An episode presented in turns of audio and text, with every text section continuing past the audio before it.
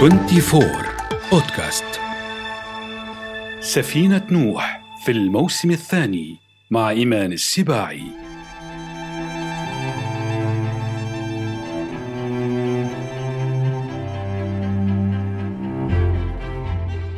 العصافير تحلق والأسماك تسبح والحيوانات تعدو من يعدو قد يوقفه شرك ومن يسبح قد توقفه شبكة ومن يحلق قد يوقفه سهم ما عدا التنين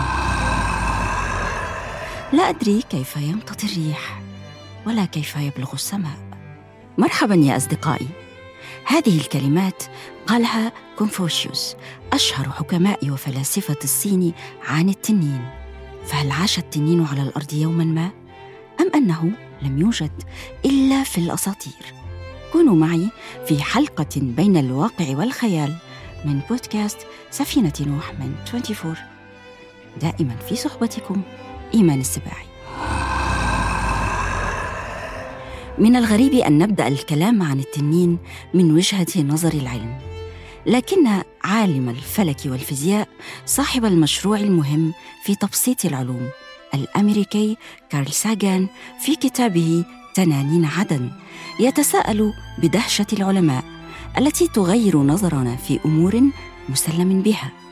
هل من العادي أن يكون التنين بطل هذه الأساطير كلها التي تنتمي إلى شعوب مختلفة دون أن يكون قد عاش على الأرض يوما ما؟ يلفت ساجان نظرنا إلى أن التنين موجود فعلا على الأرض. ففي إندونيسيا يوجد أحد الزواحف الضخمة المفترسة يسمى تنين كومودو ويزن أكثر من 130 كيلوغراما وطوله حوالي ثلاثة أمتار ويظهر قدرة باردة على الافتراس كما يقول ساجان فيقبض على رجل خلفية لفريسته ولا يتركها إلى أن تنزف حتى الموت. اذا يقترح أحد العلماء أن التنين قد يكون حقيقيا وما هو إلا أحد الزواحف المفترسة. أما أنا فأتفق أكثر مع رأي واحد من أهم الكتاب والأدباء وهو الأرجنتيني خورخي لويس بورخيس الذي يقول إننا نجهل معنى التنين لكن في صورته ما يتلائم مع مخيلة البشر فوجوده ضروري لنا. في سجل رسوم التنين الصيني كتب هذا الوصف قرونه تشبه قرون غزال ورأسه رأس حصان وعينه كعين روبيان ورقبته مثل رقبة الثعبان وكفه يشبه كف النمر وحراشفه مثل حراشف السمك وأذنه مثل أذن البقرة. لماذا يحتاج الإنسان إلى وجود مثل هذا المسخ؟ ربما نجد الإجابة عبر هذه الرحلة في قصص وأساطير مختلفة. ففي أسطورة بابلية مثلا توجد الالهه تعامة وهي إلهة المحيط وتمثل على هيئة امرأة شديدة الجمال والأنوثة وتعبر عن فوضى الكون البدائية. تقتل الآلهة أيزو زوجة عامة وإله المياه العذبة فتغضب غضبا شديدا وتشن حربا رهيبة بعد أن تتحول إلى تنين عملاق. موردوخ إله مدينة بابل يستطيع أن يهزمها ويقتلها لكنها قبل موتها تطلق وحوشا من التنانين التي تسكن السماء. وفي حكاية القديس جورج أو ماركيركس التي يرجع تاريخها إلى العصور الوسطى. يهدد تنين ضخم سكان مدينة اللد بفلسطين بل إن الحكاية تتكرر في مدن مختلفة من العالم تنتقل من مكان إلى مكان. يسكن أحد هذه التنانين أحد منابع الماء التي يعتمد عليها السكان. وليجعلوه يخرج من الماء يقدمون إليه خروفين كل يوم. وعندما تنفد الخراف يقدمون إليه أضحية بشرية يختارونها بالقرعة. وذات مره كانت الأضحية أميرة من أميرات المدينة فيتوسل والدها بالقديس جورج الذي يغيثه بالفعل ويغرز رمحه في قلب التنين ويقتله محررا المدينة. أيقونة القديس جرجس والتنين من أشهر الأيقونات الموجودة في حكايات القديسين المسيحية بمعظم بلدان العالم.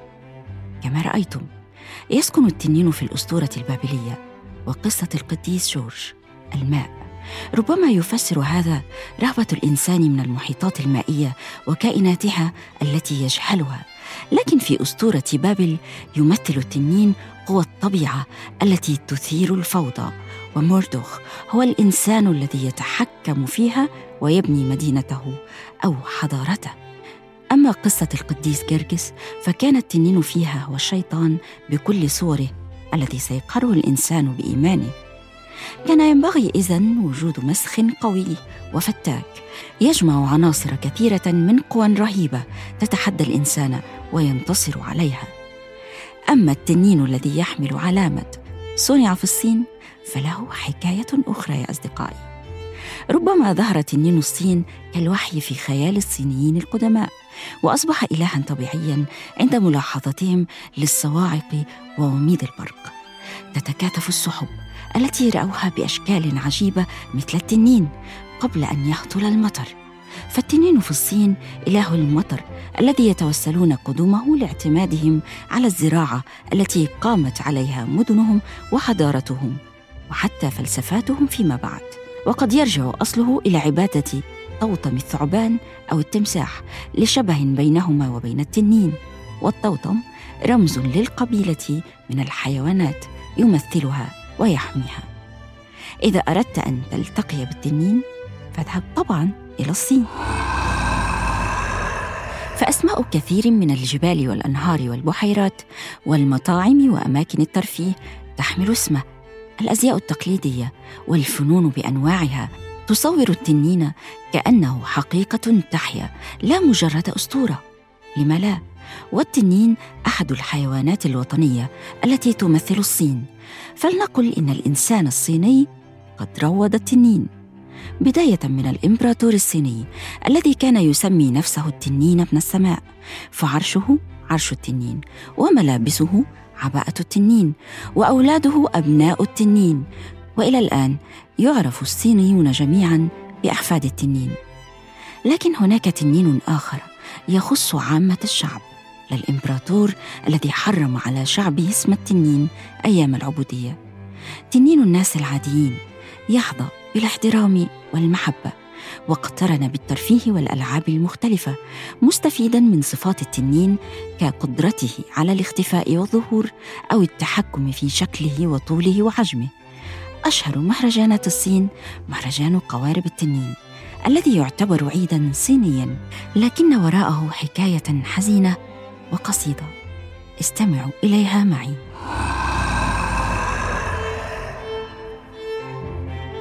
الآن نستقبل الهه السحاب في المحراب. يشع ضوءها مع ضوء الشمس والقمر. تقود جيشا من التنانين وترتدي ملابس زاهية. أفكر في الهه السحاب. أتنهد أتألم اجهد نفسي وأنتظرها. أشتاق إليها ولا أنساها.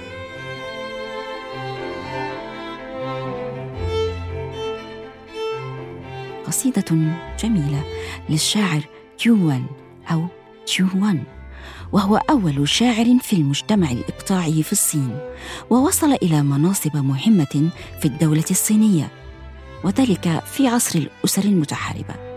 لكن المؤامرات السياسية تسببت في تهميشه ونفيه ولحزنه على مآل الصراعات في وطنه انتحر كيوان فخرج الناس في قوارب. ويقال إنهم رموا بكرات الأرز والخمر للسمك في النهر كي لا يلتهم جثة الشاعر. كما رأيتم روض الإنسان التنين لكنه لن يستطيع أبدا أن يروض النملة تتبعوا معي سرب النمل في الحلقة القادمة.